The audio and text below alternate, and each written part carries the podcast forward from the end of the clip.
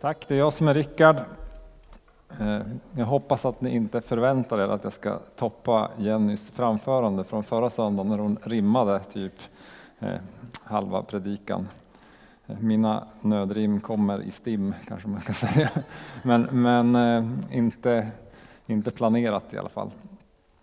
Jag ska försöka avsluta den serie som vi haft här under våren Eh, som handlar om Guds rike och idag så ska jag tala om andefyllda lärjungar. Jesus eh, är med oss idag och det här kommer att bli jättebra tror jag. Eh, Jenny hon talade förra söndagen om vilken kraft går du i och det var berättelsen om hur Petrus och Johannes reser upp den lame mannen. Och det, är liksom, det, är ett, det är ett stort under, ett mirakel som Gud gör och en del av att vara en andefylld lärjunge handlar ju om att få se hur Gud, hur det övernaturliga bryter in i den naturliga världen där vi är. Och att vi på något vis ställer oss mellan himmel och jorden och är kanaler för Guds, Guds eh, kraft genom oss.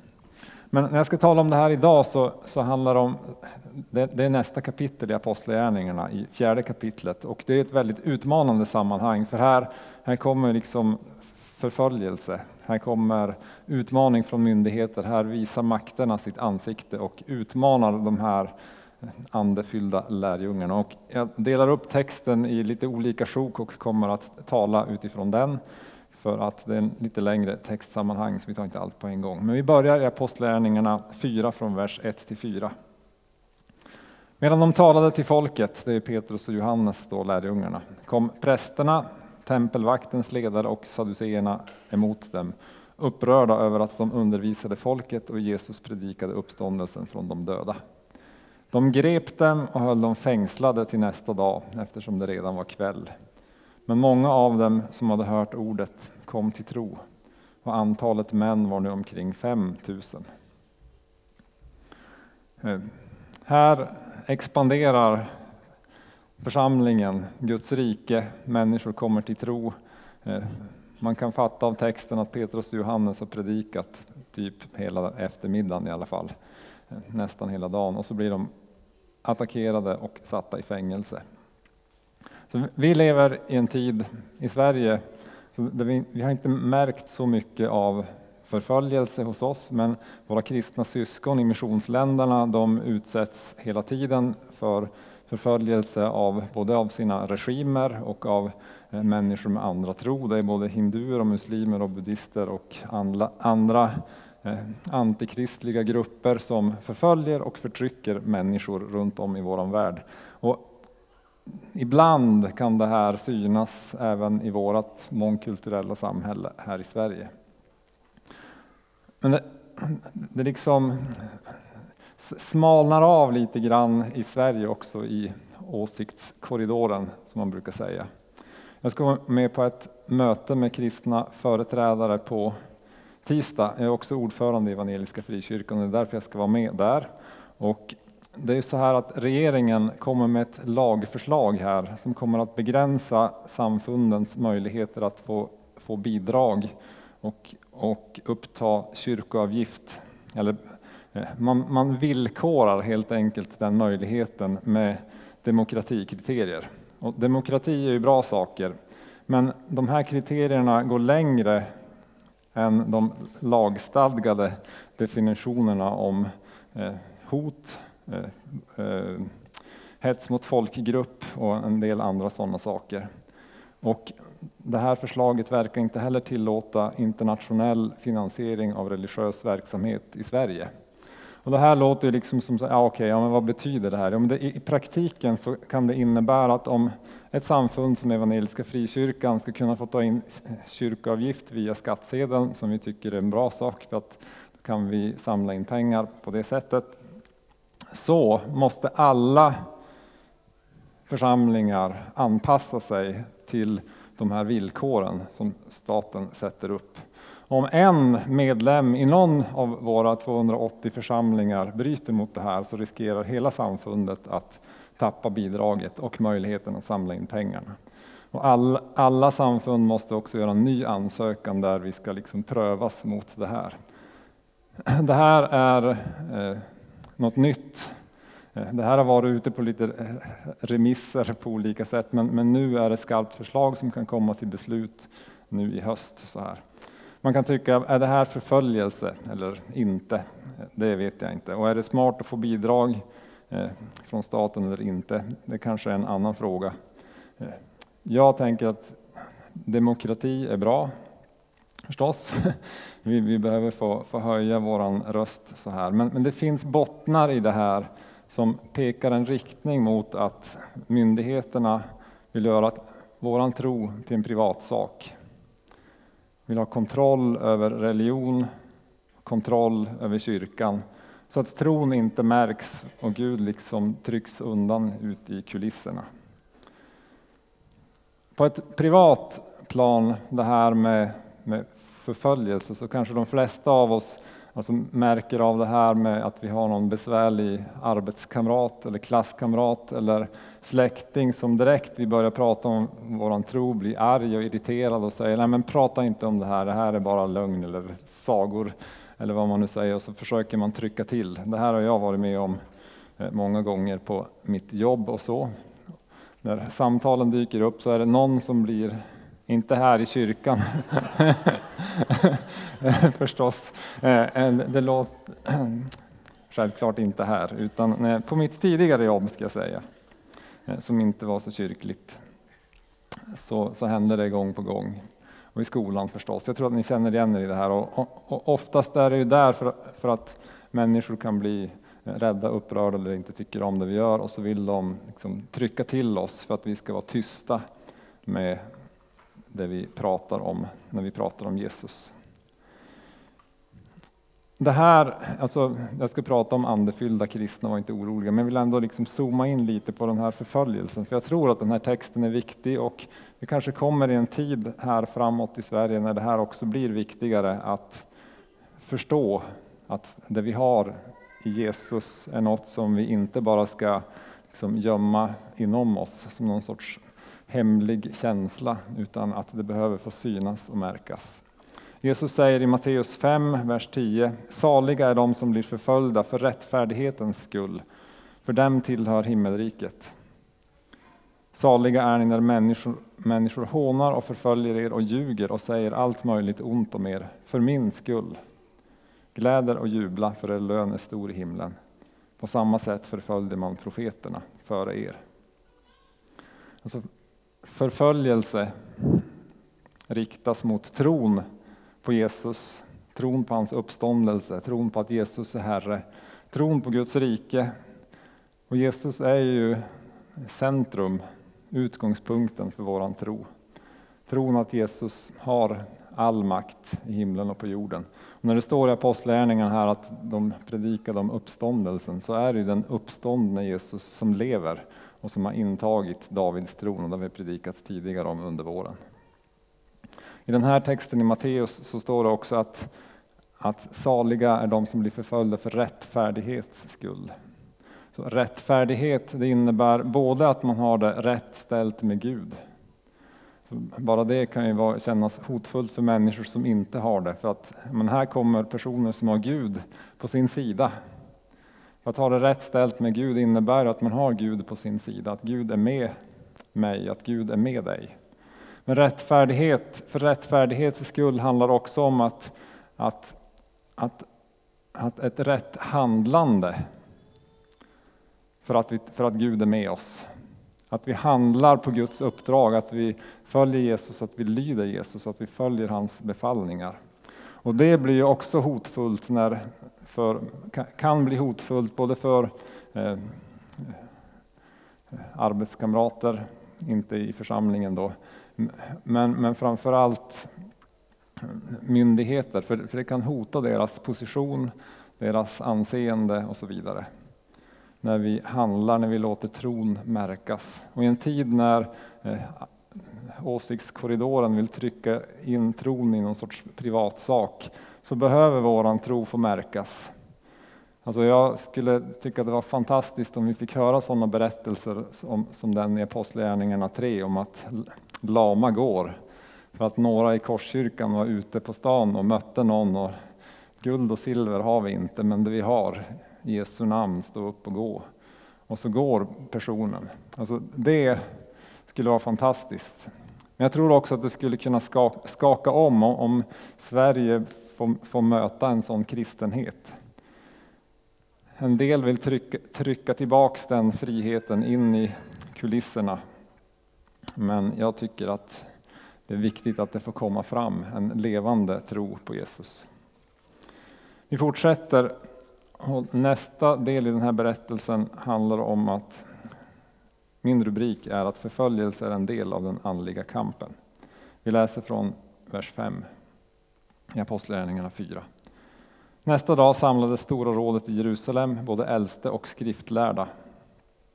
Översteprästen Hannas var där liksom Kaifas, Johannes och Alexander och alla som var av översteprästlig släkt.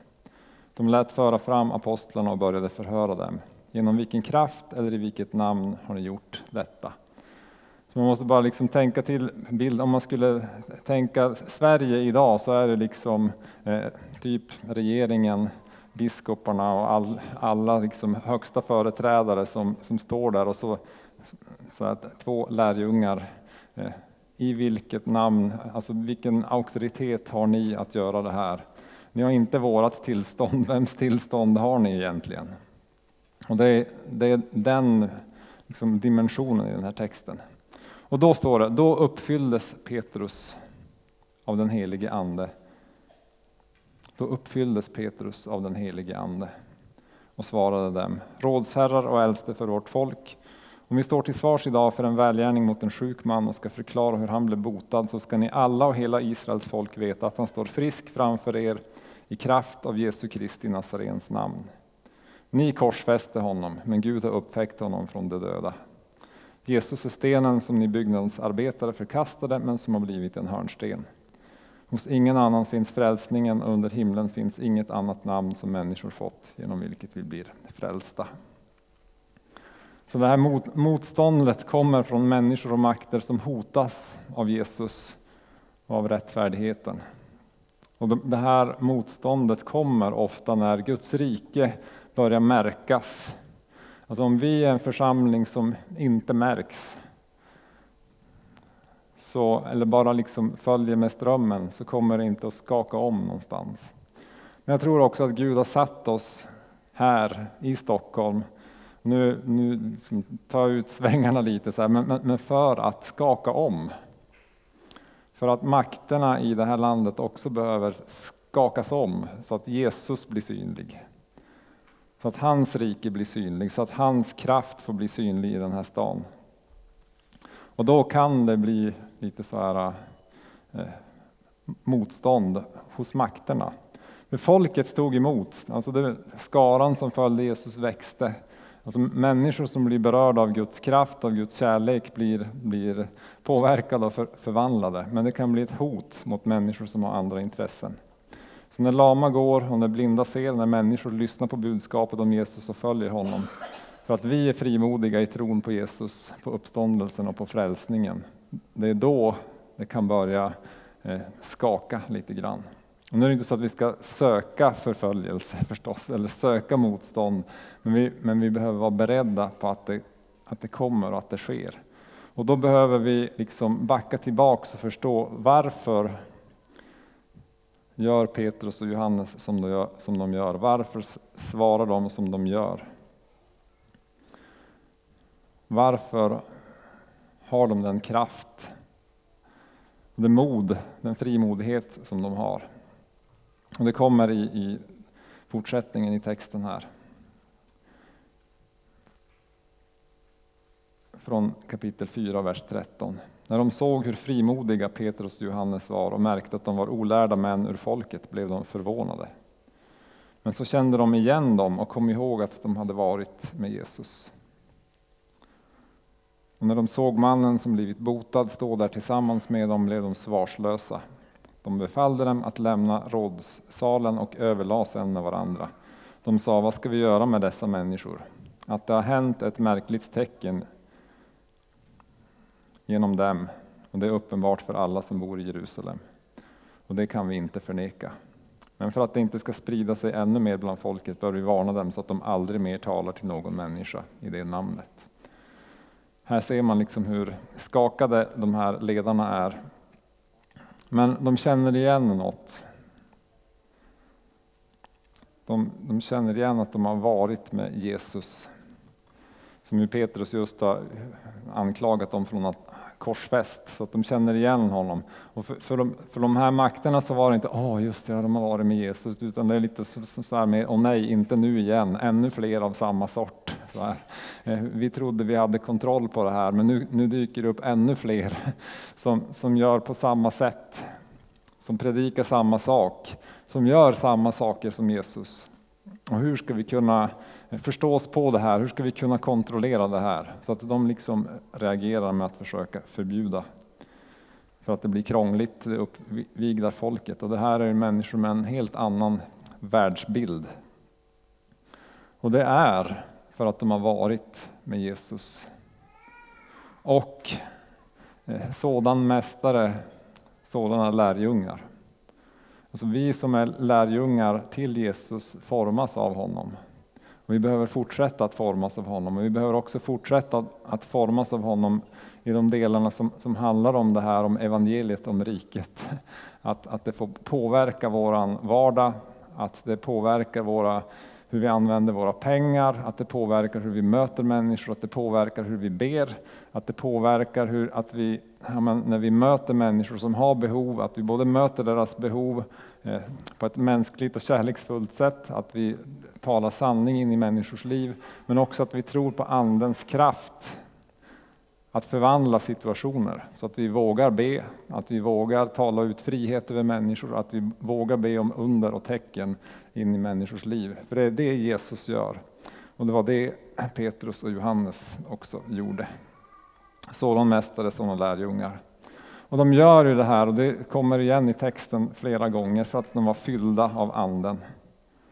Jesus hade lovat att jag ska sända över er vad min far har lovat.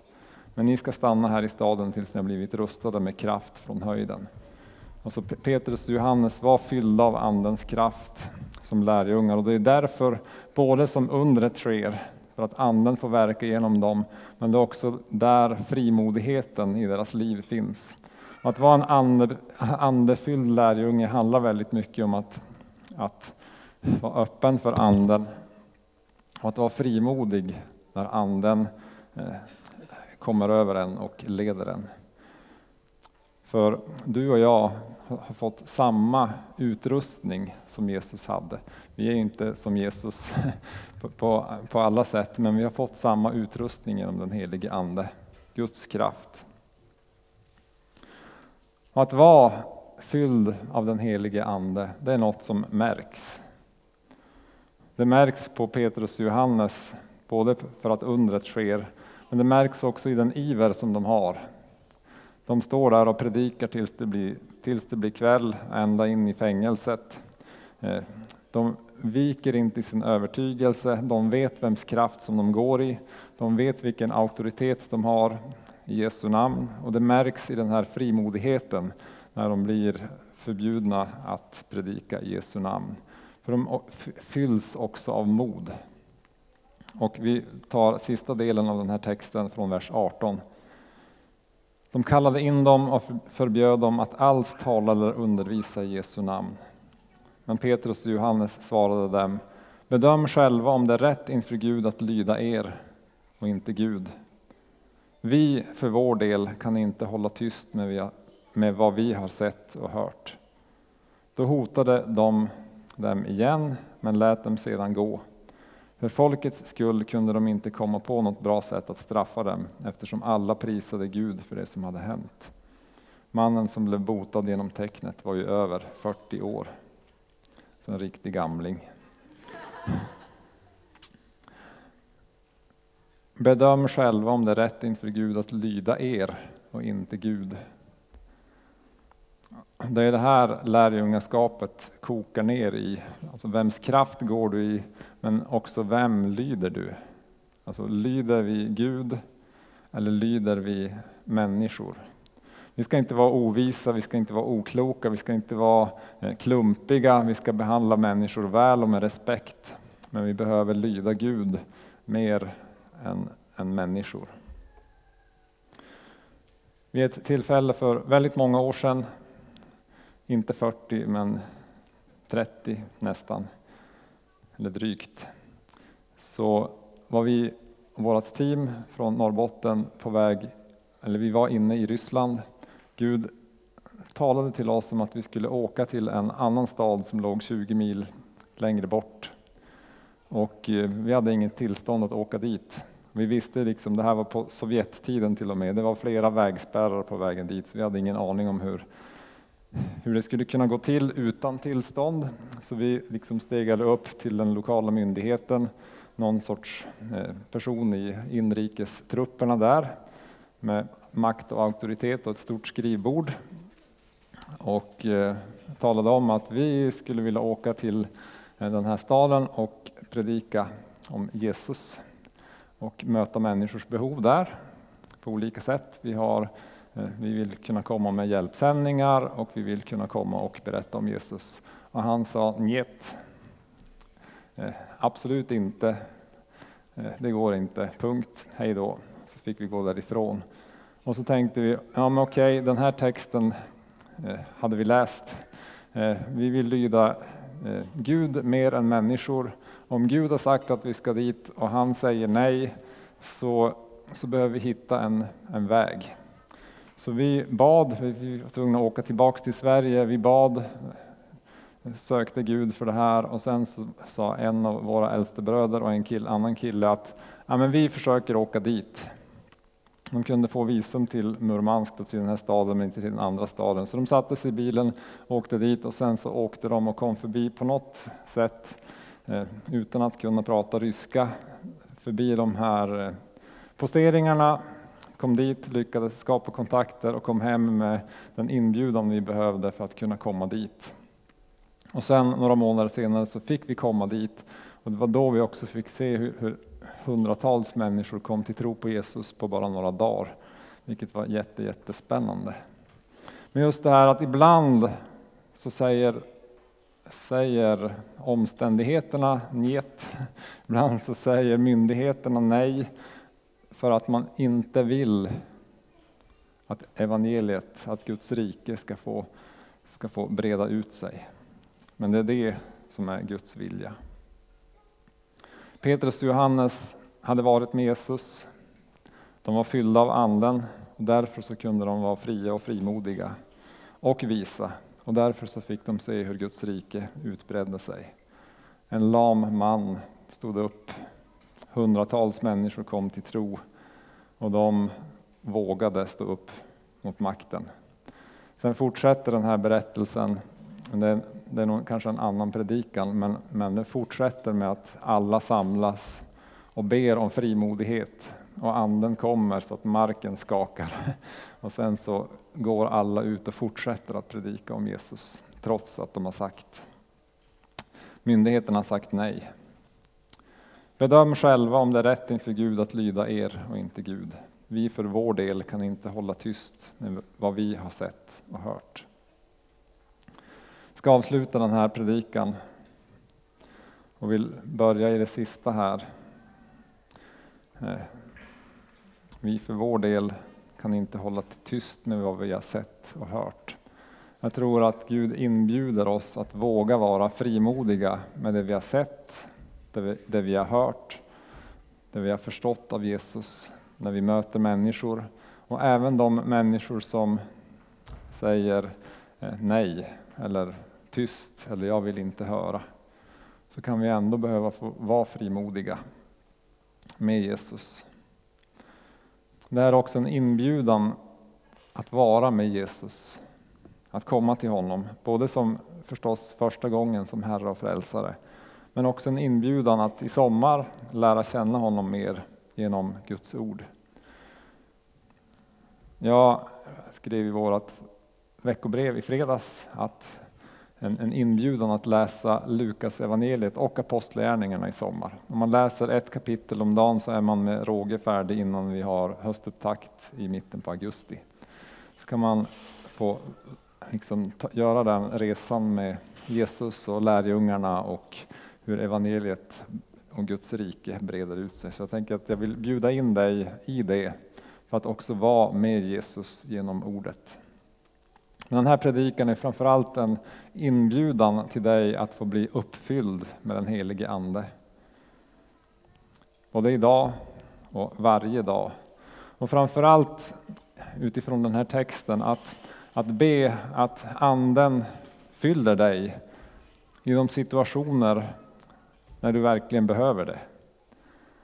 Och att, att du då också är öppen och mottaglig och så att, så att du vågar både höra och lyda och vara frimodig. För, för det kanske är så att du får be för någon som blir botad i sommar. Det är kanske du som får uppmuntra någon i sommar som verkligen behöver uppmuntran. Det är kanske du som också får mod att vara frimodig i tuffa samtal med någon släkting, någon vän eller någon granne. Så en, en bön om att fyllas med anden. Och våra förebedjare är beredda här senare i gudstjänsten. Om du är hemma så kan du be själv att den helige Ande får fylla dig där du är och ge dig av sin kraft. Jag önskar att vi som församling här i Korskyrkan kan fortsätta att vara frimodiga, att vi får vara lärjungar som är fyllda av Guds ande och att vi vågar tro på den uppståndne Jesus.